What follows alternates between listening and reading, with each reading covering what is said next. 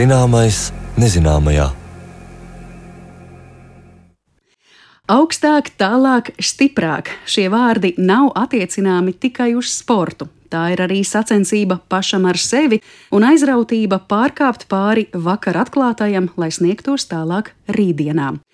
Vai mēs varam kādu dienu gaidīt kosmosa aparātu, kas aizvedīs mūs uz vis tālākajiem visuma nostūriem, nesatraucoties par degvielu, vai varbūt tādu dzinēju, kas uz planētas radīs mūžam atjaunīgu enerģiju un spēs apmierināt ar uzviju mūsu vēlmi pēc neiztrūkstošas elektroenerģijas?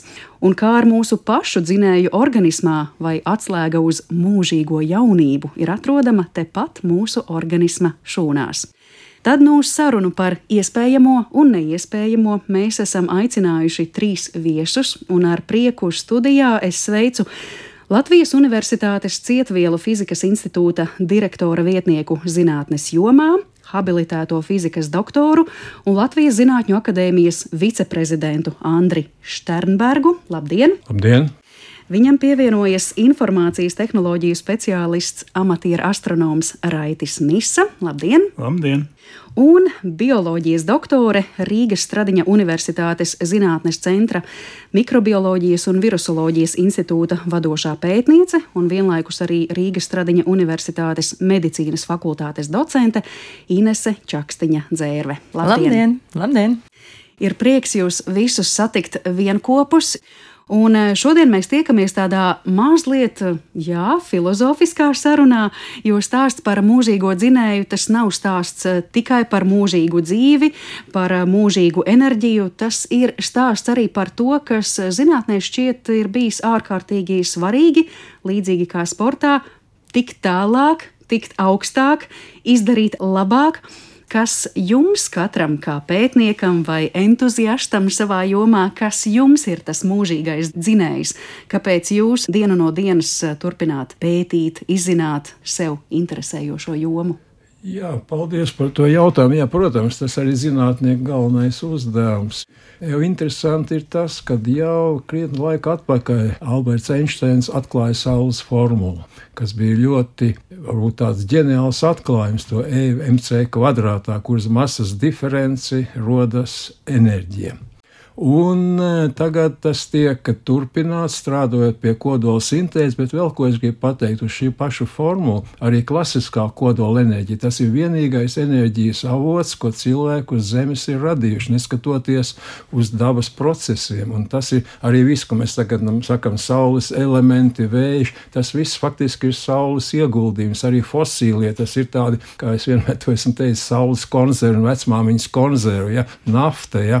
Tas nav ne no kurienes radies. Jā, bet tas viens, kas ir tiešām ir šī klasiskā kodolenerģija, tad tas ir divu smagu elementu sadalīšanās. Bet vēlreiz atgriežoties par to, mēs runājam arī par dzīvību un ilgu dzīvi un ilgu mūžu. Ja?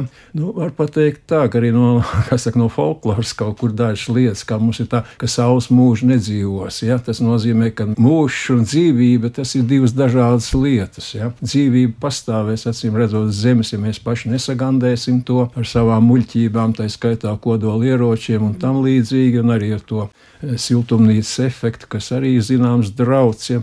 Bet otrs ir tas, ka kaut kāda dziesmiņa arī saldus saulē. Ja? Un tur ir tā saka, saule ir man kabatas baterija. Tātad tā attiec ne tikai uz visu cilvēku, kas apkārtā uz katru atsevišķu arī ir savu veidu tas enerģijas avots. Ja? Nu, to es gribētu teikt, var tāda bišķi filozofiski, ja? bet tas, pie kā mēs strādājam, protams, arī Latvijā, tas ir attīstīt tālāk to kodols sintēzes idejas. Ir progress, ir progress, viņš ir lēns, jo, teiksim tā, ka sauli atkārtot, tas nav tas pats vienkāršākais, mm. ja? kas ir mūsu uzdevums. Bet zinātnieki to ir ķērušies klāt. Tas Tas ir ļoti visā pasaules mērogā. Tur piedalās visas lielvalstis un Eiropas komisija. Un tas arī ir arī klimata problēmas, protams. Varētu teikt, ka jūsu dzinējs ir saprast to Alberta Einsteina atstāto mantojumu un virzīt to tālāk, Jā. mūsdienām pielāgotai situācijai. Jā, tieši tā virzīt to tālāk, un tas ir svarīgi būt tur rezultāts. Un tagad jau var teikt, ka nu, neiet viegli, bet mēs esam ar Latvijā. Mums ir vairākas grupas, kas pie tā strādā, un spēcīgas grupas, un mums ir prieks strādāt teiks, mūsu zinātniekiem kopā ar, var teikt, ar visu pasaules zinātniekiem. Un šeit jau tikai kopā var kaut ko izdarīt. Ja? Tas mm. ir galvenais, tas dzinulis un arī galvenais formāts, kā to darīt. Ja? Mm -hmm. Inese par jūsu dzinēju. Nu, es tā personīgāk uztvēru to jautājumu, jo šajā ziņā man liekas, tas varētu būt kaut kas, kas varētu būt iedzimts, bet es nezinu, vai tas ir gluži ierakstīts mūsu ģenētiskajā kodā. Jo man vecais tēvs bija zinātnieks, un es tā ļoti ceru, ka kaut kas ir pārmantots un tā. Jo mēs esam vairāk bērnu ģimenē, un es esmu vienīgais no bērniem, kurš kopš bērnības ir uzdevis jautājumu, kā tas strādā, kas ir zem koka mīzes, kā tā zālīte ir uzbūvēta, kā tas kukainīts tur kustās, un vai tas dundurs lidosies viņam vienu spāru noraušu. Nevajag mocīt lūdzu kukaiņus, bet nu, bērnībā man tādi jautājumi bija, un, un tie jautājumi paliekās, bet uh, man liekas, ka tie cilvēki, kas tiešām ir aizgājuši zinātnē un ar to nodarbojās kā sirdslietu un tā, Viņiem vienkārši tas iekšā ir. Ir iekšā tas eh, dzinulis. Tas man ir automātiski uzdot jautājumus, prasīt, kā kas strādā, kā mēs to varētu izskaidrot. Un tā ir lietas, ko mēs varam izskaidrot, ir lietas, ko mēs nevaram izskaidrot. Bet, um, nu jā, vieniem tas ir, citiem ir kaut kāda cita doma, kā varbūt talants vai kā veiksmīgāk. Jo Es, ja salīdzinu skolas laikā, manas atcerējuma uzrakstītā bija nāves mokas, jo es parasti izteicos diezgan konkrēti. Es nevarēju uzrakstīt piecas lapas, tas ir ārprāts. Nu, ko jūs no maniem gribat? Jūs man uzdodat jautājumu, cilvēks nav vientuļs sala. Labi nav. bet Inese zinātniskās publikācijas tagad ir jāraksta uz vairāk nekā piecām lapām. Jā, bet zinātniskās publikācijas tas ir savādāk. Tas tev nav sacerējums. Zinātniskā publikācijā tev ir jādalās ar pirmkārt tas, kas jau ir zināms, tad tev ir jādalās jāskatās ar to, kādu problēmu tur izsina, kādā veidā tur izsina. Tur ir diezgan konkrēts lietas, tur nav riņķī apkārt no sērijas. Šodien saules spīd, es jūtos laimīgs un cilvēks nav vientuļs sala. Un tad vēl trīs lapas puses par to, kāpēc. Bet, lūk, ir cilvēki, kas ir, piemēram, rakstnieki, kas to visu var uzrakstīt. Tik interesanti, ka mēs sēžam un lasām tās biezās grāmatas, vai ne? Nu, lūk, vienam ir dots uzrakstīt interesanti, lai es varu lasīt. Nu, ja es to mēģināšu darīt, nu, tas nebūs beig baudām. Bet, nu, toties man ir dots tas, ka es uzdodu jautājumus un nodarbojos ar šīm lietām. Tā kā, jā, es. Mm vairāk domāju, ka tas dzinulis katram ir individuāls, un droši vien tā ir lieta, ko bioloģija, man liekas, un arī fizika nevar izskaidrot. Tā, no šīs apziņas pasaules un tādas lietas. Raiti, kā ir astronomijā, tas arī ir kāds mēģinājums tālāk pētīt, ko kāds cits ir agrāk darījis, saprast, kā agrāk iegūtās zināšanas pielāgot mūsdienu situācijai, vai talants, bērnībā uzdoti jautājumi tur droši vien tāds kokteils no visa minētā, bet, um, ja runa par mani tieši, tad tas ir nu, tādu apstākļu, kaut kādu notikumu saistīts. Man teiksim, tā pirmā lielā pieredze bija Hēla Bopa komēta. Tas arī bija mans pirmais astrofoto, un tas vēl bija skolas laiks man. Un tas bija tāds brīdis, kad es sapratu, ka tas ir kaut kas interesants, tās debesu jomas pētīšana pat bez kaut kādiem kontekstiem, vienkārši pats par sevi tas fakts, ka tā komēta tur bija liels tāds, nu, ar aci labi saskatāms objekts. Tāda jau nav bijusi ļoti, ļoti sen, un nav arī pagaidām zināms, ka varētu būt tuvākajā laikā kaut kas tik grandios redzams pie mūsu debesu jumta. Un tad tas viss kaut kā aizgāja tā dabiski, un līdz ar to nav tāda mērķtiecīga kaut kāda ceļa. Vienkārši tas notika. Tā ir tā man atbilde par to, kā tas man bija. Bet vispār jau mūsdienās astronomija arī ir diezgan nu, tāda fizikāla lieta, jo tas viss lielie atklājumi notiek fizikas kambaros, astrofizikā un tādās lietās. Tur tādu tiešo novērojumu veidā jau pavisam maz ko mēs ieraugām. Tur viss tiek uzņemts neredzamās gaismas spektros, un tad analizēts, un cilvēks skatās, un tad ierauga kaut ko tur vēl. Runājot mm. par tādu amatniecismu, kas ir klasisks piemērs manā personā, tad teiksim, tā fotografēšana ir viena no tām lietām, ko tu tīri savam priekam dari. Tu vienkārši paņem, izdomā, labi, šodien ir skaidrs laiks, paņemšu savu statīvu, viņa ar kameru aiziešu kaut kādu bildu uztaisīt. Un tas ir bez kaut kāda tāda liela, dziļa izpētes mērķa, bet tas tāds tā kā vienam pastaiga gar jūru, citam varbūt kaut kas tāds. Nu. Citam zvaigžņu jā. fotografēšana. Ines, jā. Es gribēju vēl piebilst arī to, ka ļoti svarīgs laiks ir skolas laikā skolotāji. Man liekas, ka skolotāja loma šajā visā ir absolūti vitāli svarīga, lai skolotājs nenogalina šo vēlmu uzdot jautājumu. Un otrs ir, lai skolotājs vairāk arī motivē uzdot, bet ne piespiež. Mm. Ja, jo ne visiem cilvēkiem patiksies, ka viņam liek uzdot jautājumus. Tā, tā kā man liekas, ka tas ir vēl viena lieta, ka skolotāja milzīgā loma, tīpaši tad, kad veidojās tā personība. Nu, redz, tāpēc es arī teicu, ka mums var būt tāda mazliet arī filozofiskāka saruna, jo galu galā varbūt nonākam pie atzinuma, ka mūžīgais dzinējs ir pedagogs. Jā, medicīna, kosmos, enerģētika, katra no šīm jomām vienlaikus arī izjūt tādu sava veida spiedienu no sabiedrības, arī gaidas, kā pret vienu, tā pret otru, un mazliet arī pakavēsimies pie katras no šīm jomām un eh, sāksim ar enerģētiku. Un enerģētika nu, ir tā nozare, pēc kuras vajadzību izjūtam pilnīgi mēs katrs. Arī šobrīd kara situācijā mēs redzam, kā tas mūs eh, ietekmē.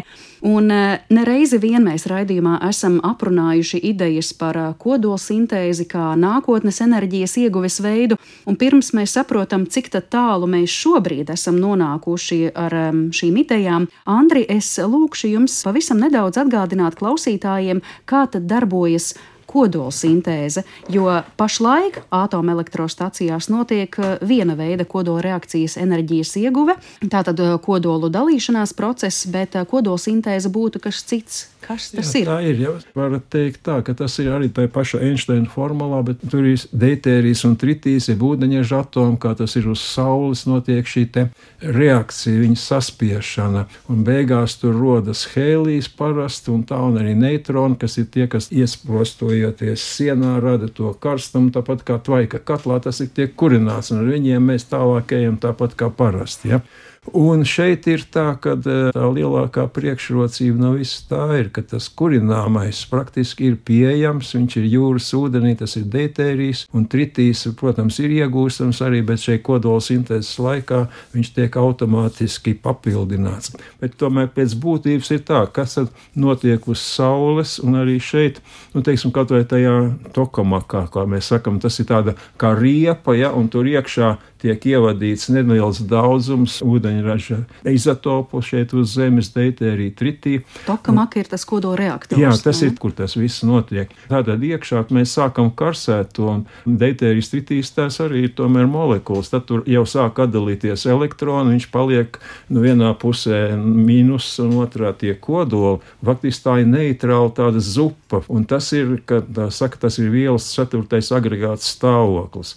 Un kas notiek tālāk? Paaugstinot temperatūru, kas šajā gadījumā ir vajadzīgs uz Zemes iekārtās nu, līdz fantastiskiem grādiem, 100 miljonu grādu Celsija, jeb Kelvina. Ja? Un tad tas tiek paaugstināts, paaugstināts šī temperatūra. Bet, protams, ka tas tādu temperatūru nevar uzturēt nekādas nu, siena, kur viņš ir iekšā. Un tāpēc ir tie saucamie magnetiskā saturēšana, kas attur to plazmu nos no sienām. Ja? To zupu, jā. Jā, to zupu nost. Jā, nu jau es nav zupa, tagad jau tur vārās ritīgi, tā kā ķirķēns ar klimpu. Un tad viņš sajiet vienā gabalā, un tad tur eh, beigās tātad hēlijas rodas, un tie neitroni, bet tā temperatūra ir ļoti augsta. Un, protams, ir dažādas konstrukcijas konstrukcijas, arī tā saucamie stelarātori. Jā, nu jā, un tad beigās jau tas strādā tāpat kā tāds jebkurš katls, kā, kā kurināti. Ja? Bet vienīgi, ja tā, ka tagad arī tie rekordi, kas pēdējie ir, ja? tur faktiski mēs ievadām tikai kaut kādus miligramus no šīm degvielām, ja? kas ir, runājot, tur apmēram pat, nu, 10 miljonu mazāk nekā tur būtu jāievada ogles tajā pašā laikā. Un galvenais, kas šeit ir dabūt, lai mēs varētu ar šo enerģiju, ko mēs tur ieliekam iekšā un to kurināmo, kā viņi tur dabūtu visus tos laukus, ja mēs no tās iegūtu vairāk laukā. Un tas ir tas Q10 saucamais, kas ir tas drīm, ja, ko tad tur mēs gribētu jau tā desmit reizes vairāk. Un tas jau ir kaut kur sasniegts. Vēl trešā ir tāda pieeja, ja tā saucamā inerciālā.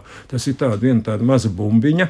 Amerikā Livermolā ir rekords pirmā uztaisīja, kur parādīja. Un tur ir cits process, tātad tur lāzeri, un viņš ir to mazo fokusēs, ārprātīgais karstums, viņš sāk iztvaikot ko iztvaikošana dod spiedienu, tur notiek arī tā reakcija. Tā kā ir tāda principa, nu, tas ir viss tai pamatā, pie tā tiek strādāts. Kas būs galīgais variants, kas gadsimta beigās varētu aiziet komerciāli, nu, to mēs vēl nevaram spriest. Ja.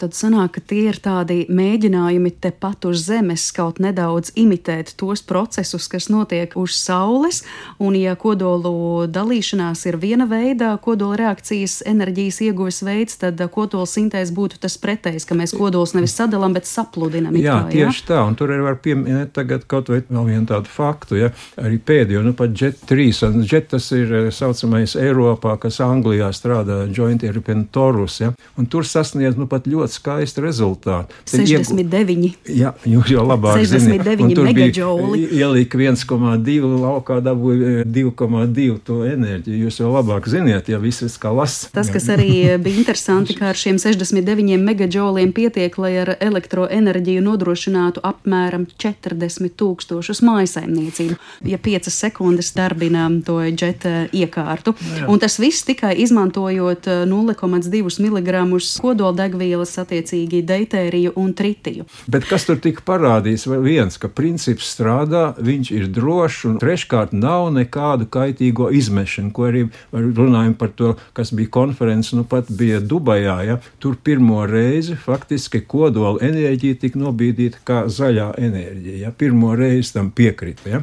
Un tā kā tas arī ir viens tāds reverants, tur, ka tas ir klimatam nekaitīgs, un kā mums Urzula von der Leyen tur gan to neteica, bet mums galvenais strādāsim ar šiem te, lai būtu nākotnē dzīve tāda jauka, trīs reizes vairāk palielināsim atjaunīgās enerģijas, arī divreiz mēģināsim efektīvāk enerģiju izmantot. Tas ir Eiropas ceļš, ja tā kā, bet par to kodolenerģiju tas vismaz mums bija diezgan pārsteigums. Kodolsintēze būtu tas zaļais veids, kas to skaitīja kaitīgos izmešus atšķirībā no kodola nu, tur viņa principā nerada. nevar mm, būt. Mm, jā, jo arī saulītē pastāv nu, saules nu, uzbūve, tur ir ūdeņradis mm. un hēlijs, jā. jā, un vēl bišķiņ kaut kāda daži metāli. Un tad jāpiebilst to, ka tā sintēze notiek pašā saules kodolā, nevis uz saules. Jā, tieši iekšā, Tas ir jā. ļoti svarīgi, mm. jo uz virsmas nav tie apstākļi, nav ne spiediena, jā, ne, ne temperatūras. Tur jā. pašā viducītī nu, viņš tur tas katliņš varās.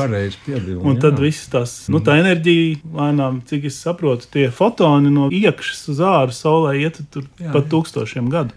Kas jā. ir interesanti, ka viņš tā netiek prom uzreiz. Jā, jā, jā. Nu, lūk, izskatās ļoti daudz sološi, bet uh, līdz ar to mans nākamais jautājums, mm, tad, kad mēs runājam par to, nu, kad tas būs iespējams ne tikai lūk šādos eksperimentālos apstākļos, bet arī reāli mūsu dzīvē, tad uh, ļoti bieži pētnieki saka, nu, tuvākie 20 vai 50 gadi būs mhm. jāvelta tam, lai mēs tiktu skaidrībā, un tad pēc 20 vai 50 gadiem jūs man pajautājiet šo jautājumu vēlreiz.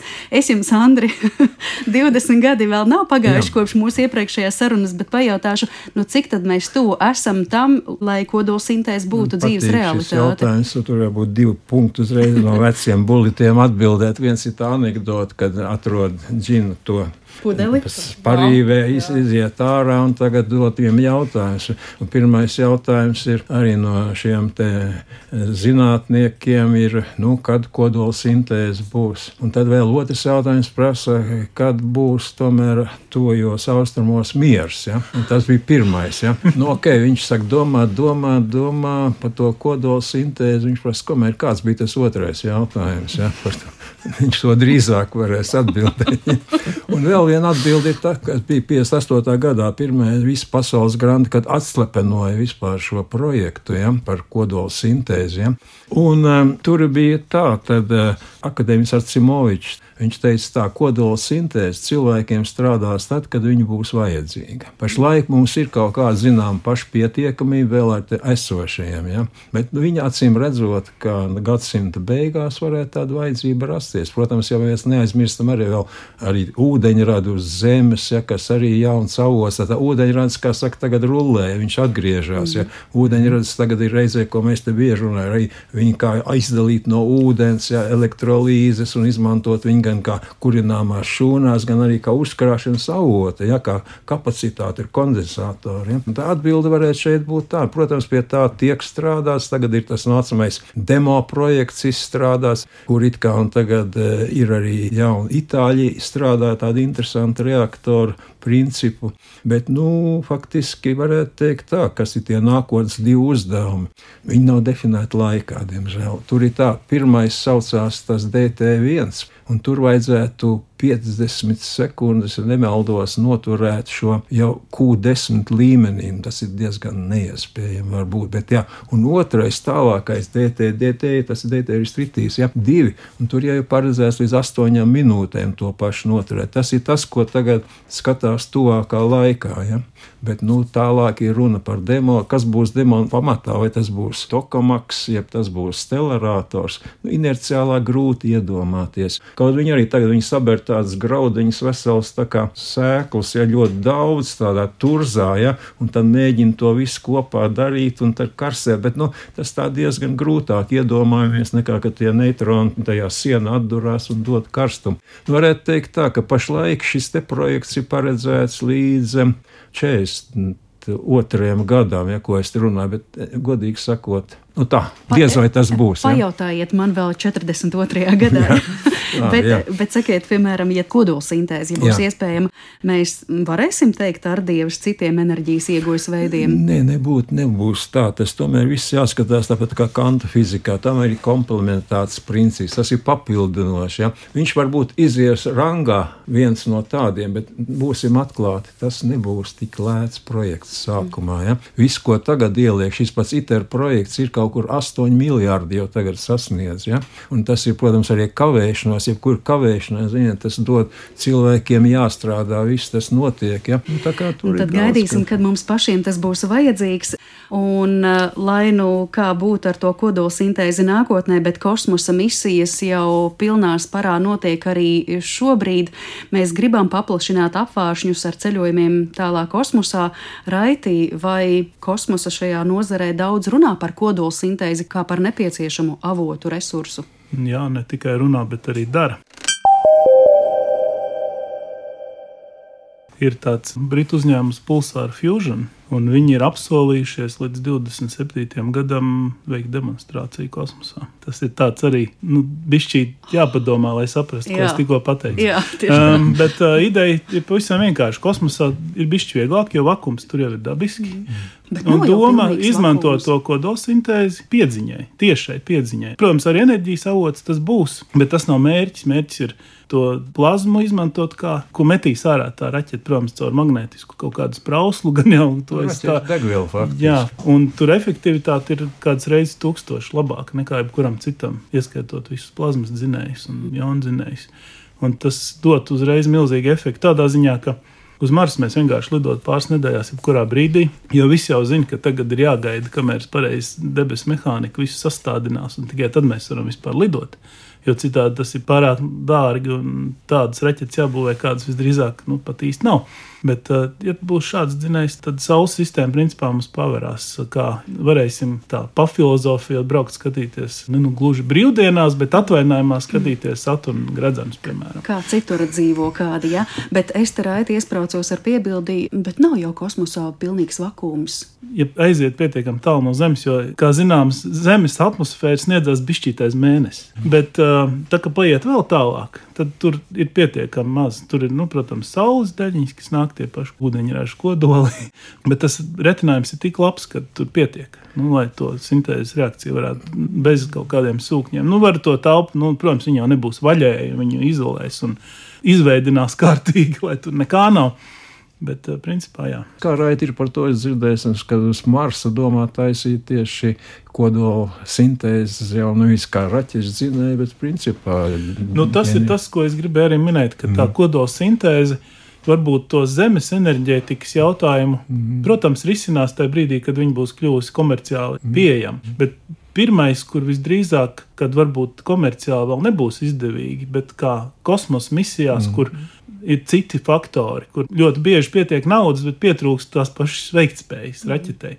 Tās būs tās lietas, kur tas vajadzēs ātrāk. Ja vien to varēs tehniski īstenot, un nav tādu ļoti izteiktu šķēršļu, kas būtu acīm redzami, ka nevarēs. Mm. Ir sajūta, ka varēs. Un to saku ne es, bet uh, to es lasu, ka citi tā saka, kas mm. zina vairāk. Un līdz ar to mēs varētu uz to paļauties un secināt, ka kodola sintēze kā tāda visdrīzāk tieši ārpus Zemes ar praktisku un lielu pienesumu tiks izmantot. Tuvāk saulē. Jā, redz, tas, ko mēs gribam dabūt uz Zemes, patiesībā labāk strādā kaut kur citur. Jā, Man bija jautājums militāristi atkal šito nepaņems un neuztaisīs kaut ko traku. Ja šeit nav tomēr tāda iespējamība sačakarēt mums kaut ko kārtīgi reizi. Viņi jau čakarē. Militāristi jau arī tur kaut kāds. Jā, tur jau tā, tāpēc es uzdodu to jautājumu. kosmosā, nu faktiski blēņas. Nu, tu viņu uzspridzinās, viņš jau nav mērķēts ierocis, viņš visu noslaucīs. Jā. Nu tā, tā, lai izskoties, trešdaļa pavadoņu vienkārši nebūs. Jā. Un tas viņi jau nešķiros, vai tas Jā. būs pašu naidnieku vai mm, mūsu pavadoņus, vai vienkārši nejauši garām gājējis. Tur viss būs pa tīro. Un līdz ar to to nevajag ņemt nopietni nopietni okay. to, ko runā. Tas ir tāds blā, blā vairāk. Zemes, Izdarīt protams. to var, bet ieguvējs tur nebūs neviens. Tur visi būs zaudētāji. Nu, taču arī visi parastie reaktori ir būvēti tā, ka viņi var laikam Boeing 747 tieši trāpījumu izturēt. Jā, jā. Nu, ka viņš ielidos reaktorā, bet viņš jā, turpinās jā, strādāt. Nu, tad iedomājieties, kāda drošība tiek ieguldīta. Man ir laja jautājumi. Nē, bet tas, tas viss ir, ir svarīgi jau un, un brīžiem eksistenciāli arī. Nu, Tikai svarīgi. Bet ja mēs runājam arī par citiem dzinējiem, kas līdz šim jau ir teiksim, tā, pasludināti kā sava mm -hmm. veida mūžīgie dzinēji, tad gribētu saprast, cik tālu ar to līdz šim ir gājis. Jo mēs mūsu raidījumā esam nu, jau pirms krietna laika stāstījuši par elektromagnētisko dzinēju M-Drive. Un arī toreiz bija cilvēki, kuri teica, jā, tas varētu strādāt kā tāds mūžīgais dzinējs. Bija arī ļoti daudzi fizikas mm -hmm. skeptiķi, ka diezinu vai un izskatās, ka tas nav izdevies. Nē, Kāpēc? Nē. Nē, Tāpēc, ka tas nav principā iespējams. Nav iespējams. Nevar būt mūžīgais tas zinājums pats par sevi. Nē, tur jau bija cita ideja, kad var dabūt to piedziņas efektu, neizmetot masu. Ar domu, ka varbūt kaut kādā dīvainā kvantu veidā tas notiek. Bet nē, tas eksperiments, ko divi vai trīs cilvēki NASA paspārnē veids un paziņoja, ka ir rezultāts. Izrādījās, ka tas bija kaut kāds nu, netīra eksperimenta rezultāts, un faktiski nekāda piedziņa nebija. Tur ir tāds enerģijas nezudības likums postulēts. Nevar būt tā, ka viņi rodas ne no kā un jā, visu jā. laiku strādā. Un līdz ar to šis stāsts ir beidzies mm. un apstiprināti beidzies. Nu, tur tālāk rakta nav jēgas. Bet uh, vēl viena ideja, kas šobrīd uh, diezgan veiksmīgi un drosmīgi tiek piedāvāta arī no latviešu pētnieku puses, ir tā saucamā elektriskā saules būra. Mēs par to mūsu raidījumā arī esam stāstījuši. Varbūt šis ir kaut kas jauns un krietni veiksmīgāks.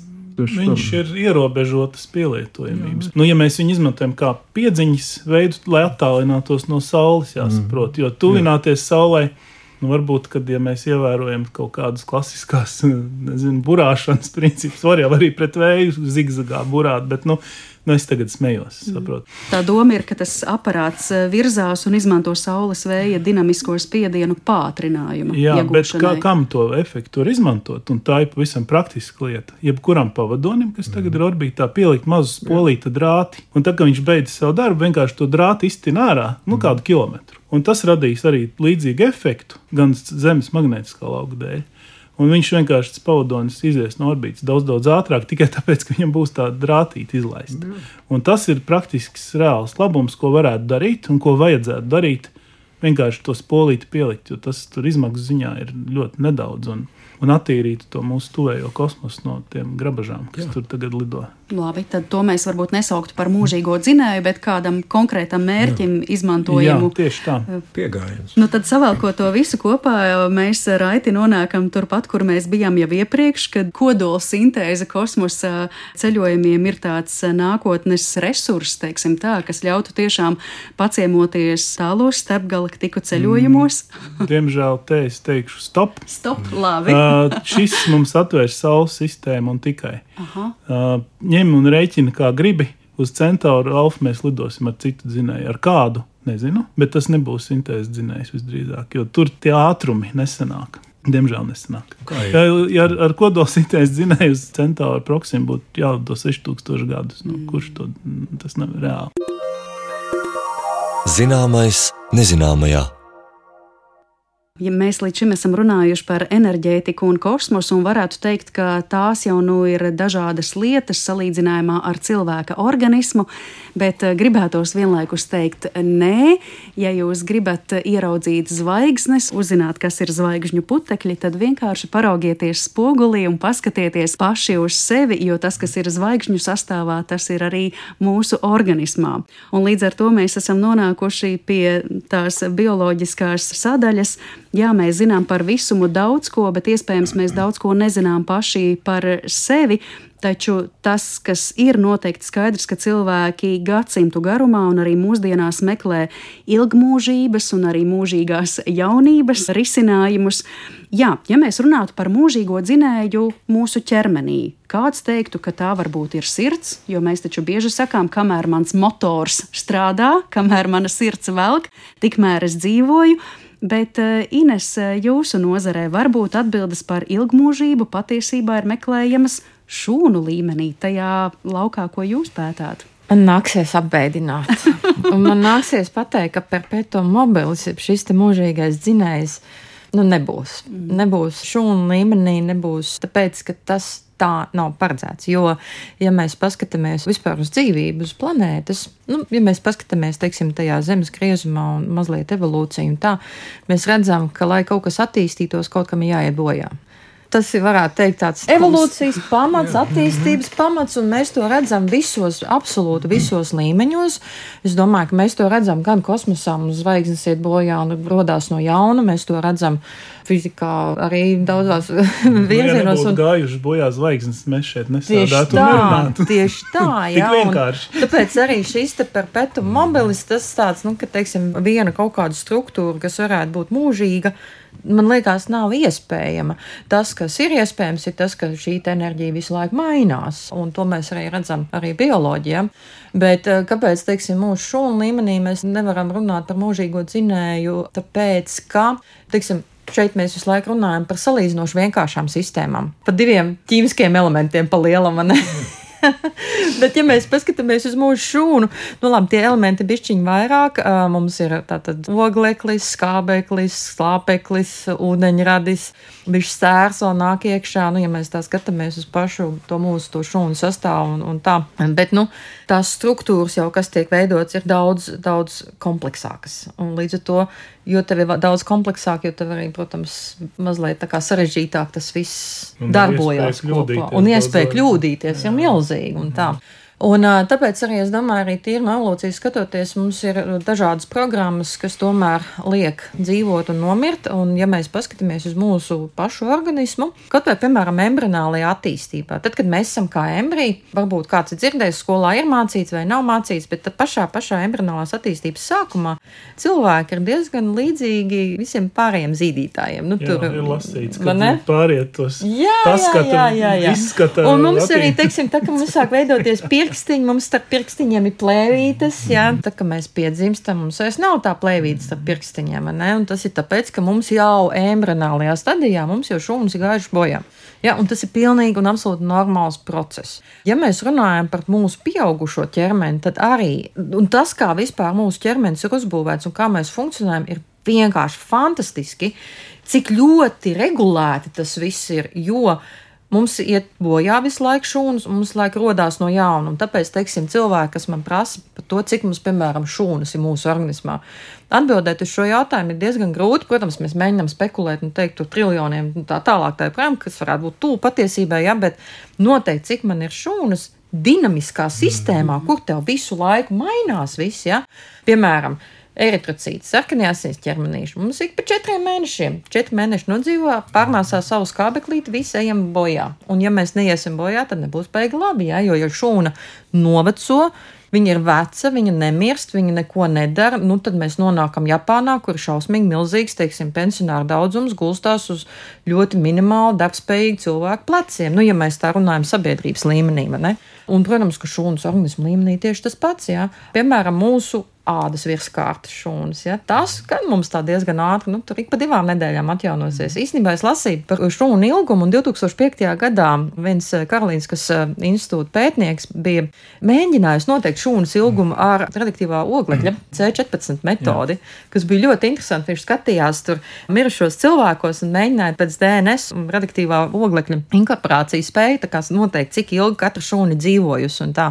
Tās šūnas, kas izklāja zarnu sieniņas, bet ne zarnu šūnas hormonus, ja, bet kas izklāja zārnu sieniņas. Piecas dienas. Oh. Tad piecas dienas, ja, tas ir mm. viss. Spermatozoīdi arī paigi ilgi nedzīvo. Ja, tā tad vīriešu dzimumšūnas arī tur pāris dienas un viss veidojās viss no jauna. Ja. Tā pašā laikā Ja mēs runājam par dzimumu šūnām, sieviešu dzimumu šūnas, nu, mums viņas veidojās jau embrionālajā stadijā. Un, principā viņas ar mums ir visu mūžu, kamēr mēs tiekam līdz tā menopauzē. Ja? Viņas, protams, nobriest, attīstās un tā, ja? tā tad Nu, tur, protams, var saukt aknu šūnas apmēram 300 līdz 500 dienas, T un B limfocīti. Tātad mūsu imūnās šūnas var dzīvot gadiem. Interesanti bija fakts, ka tauku šūnas apmēram 8 gadi. Kaula šūnas ir apmēram bišķiņi virs 10 gadiem, kas interesanti. 15 gadi muskuļu šūnām un tā tālāk. Smadzenēm arī, starp citu, interesanti ir, mēs esam vienmēr uzauguši ar to, ka smadzenes mums neatjaunojās. Ja? Un smadzenēs ir interesanti, ka jā, ir kaut kāda rajona, kur mēs to to saucam par neiroģenēzi, ja, kad mums veidojās jaunas nervu šūnas. Ja, tad uh, smadzenēs šī neiroģenēze garozā, pusloža garozā nenotiek nemaz. Tad, piemēram, hipokampā, kas ir smadzeņu struktūra, kas ir atbildīga par atmiņām lielākoties, tur gan esot novērot neiroģenēzi un tā. Un skatoties no visa šī, tomēr tā šūnu miedarbība, kur vecā šūna iet bojā, jaunā dzimst un tā tālāk, mūsu organismā ir ļoti labi regulēta. Un tajā momentā, kad mums tā nav vairs regulēta, un tas ir vienmēr, ko es vienmēr cilvēkiem saku, kad viņi mēģina man pateikt, nu, ka viņi gribētu dzīvot mūžīgi, es saku, nu, uzmanieties, ko jūs vēlaties jo tad mēs varam runāt par audzējiem. Tieši tā. Un uh, Henrietas laksas šūnas, kas tika izdalītas no viņas organisma, kad viņa pagājušajā gadsimtā saslima ar vēzi, dalās joprojām. Jā, jā, jā, tas ir 1951. gadā, ja nemaldos, tas bija dzemdas kakla vēzis, un jā, tā šūnas laboratorijā dalās joprojām, un um, te ir interesants moments, tas, ko bieži vien cilvēki varbūt nesaprot, ir laboratorijā mēs varam izdarīt ļoti daudz ko kamēr mēs tā šūnas barojam, viņas var dzīvot, bet ne visas. Un tas, ko mēs savā laikā arī strādājot Latvijas Universitātē, biolīdsko metožu laboratorijā noteicām, jā, tā tad tāda pieaugusi šūna, jā, mēs viņu varam kultivēt, bet, nu, teiksim, pārsēt desmit reizes apmēram. Desmit reizes viņi vienkārši, mēs varam dot barību, kādu mēs gribam, mēs viņus varam uzturēt siltumā, sakot, laimīgas, komfortā. komfortā, siltumā un tā tālāk, bet tik un tā viņi pēc kaut kāda laika nu, nocīs, viņi vienkārši vairs nedalīsies.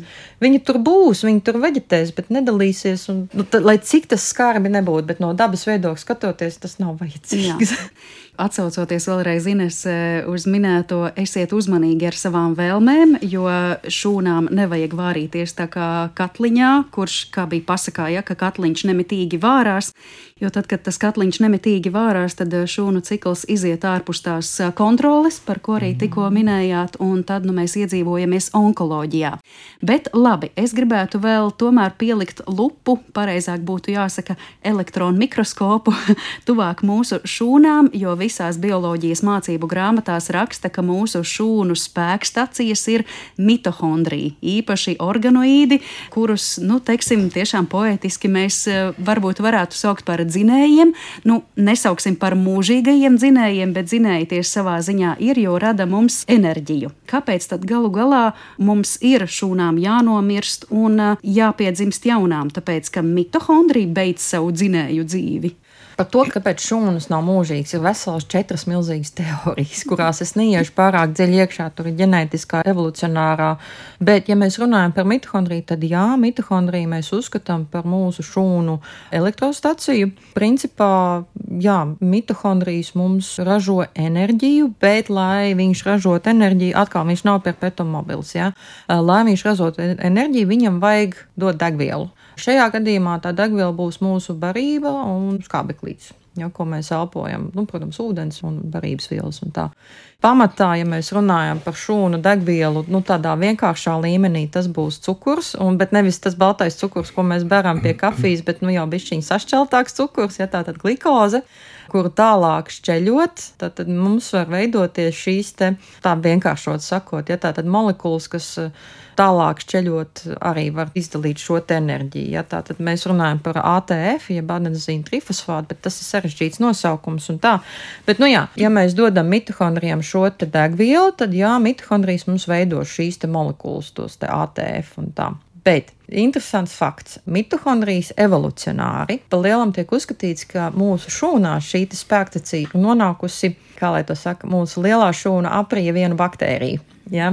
Tiek uzskatīts, ka mitohondrijas ir cēlies no baktērijas, un tātad mitohondrijā arī iekšā ir viņa speciālā programmiņa. Mēs to varam saukt par DNS. Ja?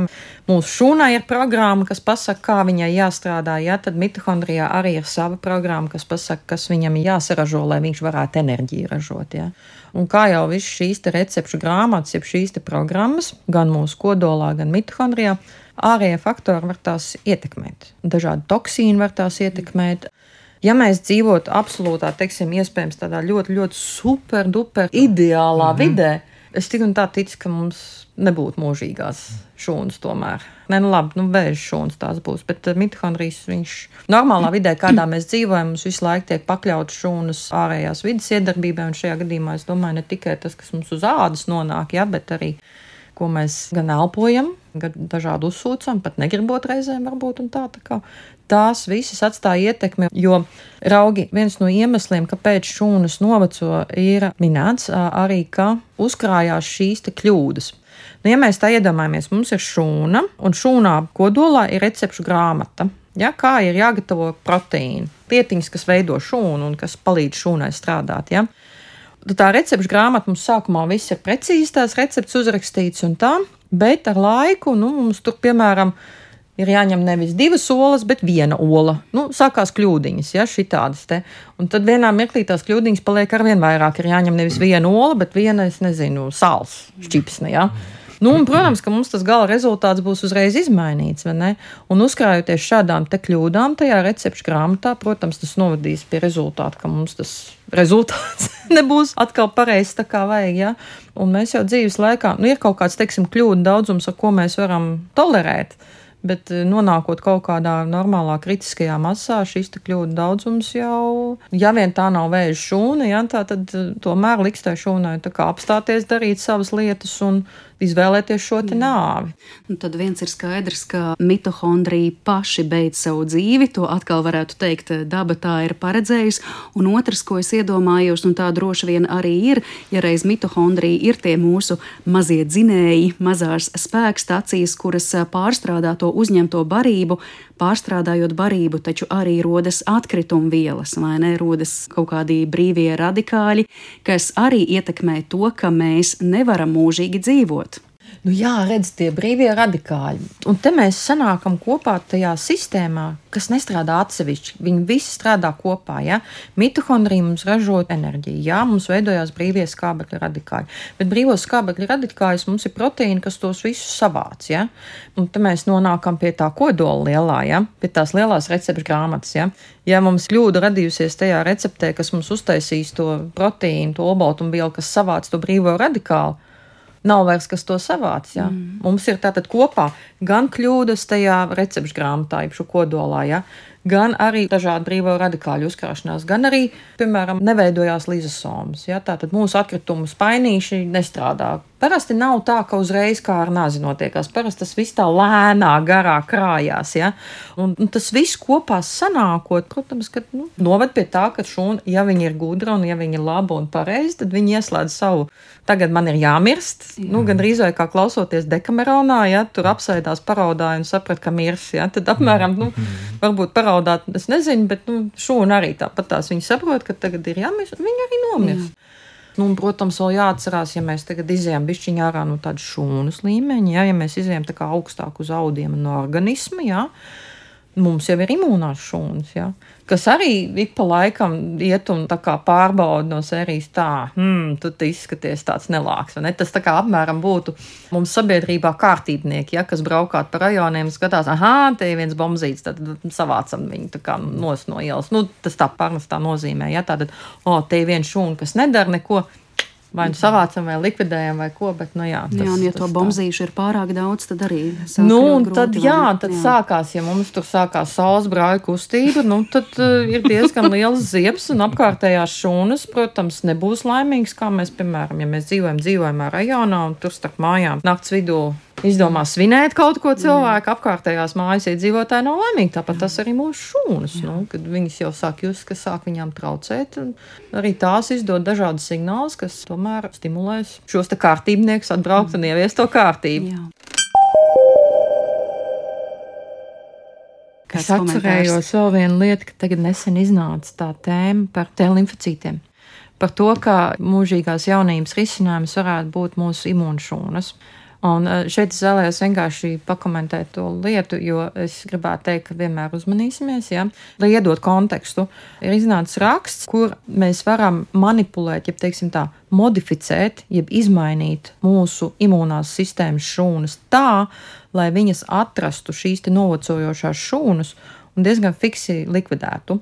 Uz spēlēm tas bija parādīts, ka jā, peles dzīvo ilgāk, tad, kad izmanto šādas himēro antigēnu šūnas, ja? bet pirmkārt es vēlos atgādināt, peles dzīvo ilgāk, bet ne mūžīgi. Tas būtu viens. Otrs moments Mums ir vienmēr jāskatās uz medaļas otrām pusēm, ja, jo, ja ģimēra antigēna šūnas ir veiksmīgi pielietotas onkoloģijā, tad šogad jau ir iznācis brīdinājums par to, ka šo šūnu terapiju tomēr var nest blaknes dažādas autoimūnās saslimšanas, nu, iespējams, kaut kādas sekundārās onkoloģiskās saslimšanas. Ja, tā kā es domāju, ka šeit arī mums vēl mazliet ir jāpagaida. Nu, varbūt neskriesim uz to mūžīgo dzīvi un ilgdzīvotību. Varbūt vienkārši skatīsimies uz to, cik mēs kvalitatīvi nevis cik kvantitatīvi. Jā. Savā ziņā Inese jau atbildēja uz manu noslēdzošo jautājumu, jo mēs ļoti labi redzam arī Latvijā, ka cilvēki mēģina panākt šo ilgmūžību. Ir pat tāda biohackinga kustība, kas gan lielā mērā saistīta ir ar veselīgu dzīvesveidu, bet ir biohackinga pārstāvji, kuri ir arī paziņojuši, ka viņi vēlas dzīvot 120 gadus un ilgāk, bet ir arī ļoti radikāli biohackinga piemēri, nu, piemēram, 46 gadus vecā vecais eh, Brians Džonsons. Tas, protams, ir stāsts eh, ārpus Latvijas, kurš mēģina samazināt savu bioloģisko vecumu, iejaucoties savā ķermenī. Viņš, piemēram, pārlēja savu dēla asinis, katru dienu apēd 112 tabletes ar dažādiem uztura bagātinātājiem, vingro tieši 67 minūtes. Ir ehm, ļoti stingrs ēšanas režīms, tās ir konkrēti 1977 patērētās kalorijas līdz pusdienlaikam, un pēc tam gavēšana līdz līdz gulētiešanas laikam. Un eh, patiešām eh, ir viņš stingrā ārstu kontrolē, vēl, protams, tur nāk klāt visādi krēmi un tā tālāk. Un viņam pat eh, ir izdevies ar visu šo režīmu savu bioloģisko pulksteni pagriezt par vairāk nekā pieciem gadiem atpakaļ. Izklausās skaisti, nu, varbūt arī izklausās kā tādas miljonāru izklaides. Ja jums nav ko darīt, varat pamēģināt arī ko šādu. Bet te līdz ar to es gribētu jautāt, vai, kā Ines arī tikko raksturoja, vai tas viss kādā brīdī nevar atspēlēties atpakaļ, un vai mums vajag dzīties pēc šīm mūžīgās jaunības un ilgdzīvošanas stāstiem bioloģijā un varbūt arī enerģētikā un kosmosā. Man liekas, ka te mēs runājam par tādu filozofisku jautājumu, vai tā ir dzīve? Jā, tieši to es gribēju. Jā. Tas ir jautājums. Un viņam iekodīs traka laps un būs mm. trakumsēga. Mm. Un vējā viss tie pieci atgrieztie gadi, jā, vai uzkritīs ķieģelis, vai nu, mazums kādas lietas, nu, paslīdēs. Nu. Jā. Man jautājums tiešām, vai tā ir dzīve? Jā. Savukārt, enerģētikā, fizikā un vispār pasaules pastāvēšanā, kā tāda ir tāds jēdziens kā entropija. Un tas to visu, jebkurā gadījumā, noliks pie vietas, un mūžīgs nav iespējams principā. Līdz ar to tā ir atbilde, īsta atbilde. Varbūt kāds vēlas kaut ko vēl piebilst. Jā, tas no fizikas ir ļoti pareizi atbilde, un arī tas, ko iepriekš runājām, tā nav dzīve, ko tas Džonsons. Tas, tas ir eksperiments. Faktiski. Tas ir, jā. Faktiski jā, viņš... viņš pakļaujās eksperimentē. Es nezinu, kā labāk, tikai savā, ja arī kaut kam nu. citam vēl tur. Bet nu, par to enerģiju, kosmosu uz Andri un Raiti raugoties, tur arī vajadzētu būt tādiem limitiem par to, kā un cik daudz mēs enerģiju saražojam. Jā, nu, bet tas kosmosā tie ir savi likumi, kas tur strādā, un arī tur, kā gribētu teikt, to vienmēr tas, lai saradošs enerģija tik daudz, lai viņš pastāvētu, lai tā sistēma pastāvētu, nevajag nekad viņu nepātrināt, ne palēnīt, jāsarada optimālais lielums, lai sistēma būtu. Tāpat Saulē arī viņi pēc tiem 4,5 miljardiem, nu viņi tomēr aizies, tāpat kā šūnas bojā, ja, nu tā ir. Tur tā kā kat, process, katram ir savs laiks, jā. jā. Mm. Tāpat, jā. Es vēl gribētu tomēr piebilst par to momentu, par to dzīvošanu, jo katram jau, protams, tas ir savs, bet uh, man liekas, ka mums kā cilvēkiem, kā sociālām būtnēm, viens no tādiem dzīves gandarījumiem ir arī nest kaut kādu labumu. Un to mēs arī redzam arī šūnu līmenī, lai gan šūnas, nu, mēs uzskatām, ka šūnām nav apziņas, ja, bet, nu, normālā organismā šūnas iet bojā, tāpēc, ka viņas grib izdarīt labu, lai tas organisms uztur dzīvību, ja, jo viņi saprot, ka viņai tagad, nu, tad viss un tā, teiksim, šis te nosacītais kaut kāds altruisms varētu būt. Jo, ja mēs runājam par kosmosu un arī par bioloģiju un tādām lietām, viss ir ārprātīgi līdzīgs. Vienīgais ir tas relatīvais laika termiņš. Ja nu mēs runājam par sauli, četri miljonus un mērogs. Mm. Bet, ja mēs teiksim, nolīdzsvarot to mērogu, ļoti daudz mm. lietas mm. mēs redzam līdzīgi, kā notiek kosmosā, notiek sabiedrībā, notiek šūnu līmenī un tā tālāk. Tā kā, mm. Jā, tas viss jau kopā mijās, un kā jau mēs esam, man liekas, tāds viens labs secinājums būtu tas, ka visam ir jābūt normas robežās. kādreiz, jā, kādreiz bija tāds teiciens, kaut kas, jā, man liekas, bija par dzeršanu, ko nerūtē. Jā, jā, jā, jā. tas mēru, jā. Nu, un savulaik jā. jau farmaceits Teofrasts Paracels izteica frāzi, ko šobrīd arī medicīnas studenti citē. Viss ir inde, nekas nav bez indes, tikai mērs ir tas, kas to padara nekaitīgu. Lūk, tā kā visam savs laiks, visu ar mēru, meklējam zvaigžņu putekļus, paraugoties spogulī, visi cikli kādreiz beidzas, mūsu cikli arī saules cikls, bet paldies Dievam, mums līdz tam vēl ir mazliet laika. Ja? līdz, līdz saules nāvei. Tā vajag gribās teikt, mirkli jau kavējies. tu, tu esi skaists. Tas ir skaists. Jā. Mirklis no mūžības, tas bija šodien atvēlēts mums sarunā zināmais nezināmajā par mūžīgo dzinēju enerģētikā, kosmosā un bioloģijā. Un par šo sarunu es lielu paldies saku mūsu studijas viesiem šodien un atgādināšu, ka tas bija Latvijas Universitātes Cietvielu fizikas institūta direktora vietnieks zinātnes jomā, habilitētais fizikas doktors, Latvijas Zinātņu akadēmijas viceprezidents Andris Šternbergs, informācijas tehnoloģiju speciālists, amatieru astronoms Raitis Misa un bioloģijas doktore Rīgas Stradiņa Universitātes Zinātnes centra mikrobioloģijas un virusoloģijas institūta vadošā pētniece un Rīgas Stradiņa Universitātes medicīnas fakultātes docente Inese Čakstiņa Dzērve. Lielas paldies jums visiem trijiem! Visu labu! Paldies! Mūsu raidījums izskan, un to veidoja Paula Gulbīnska, Kristīna Delle, Girts Bišs un Mariona Baltkalne arī bija šajā sarunā klāt. Paldies jums, klausītāji, uz sadzirdēšanos!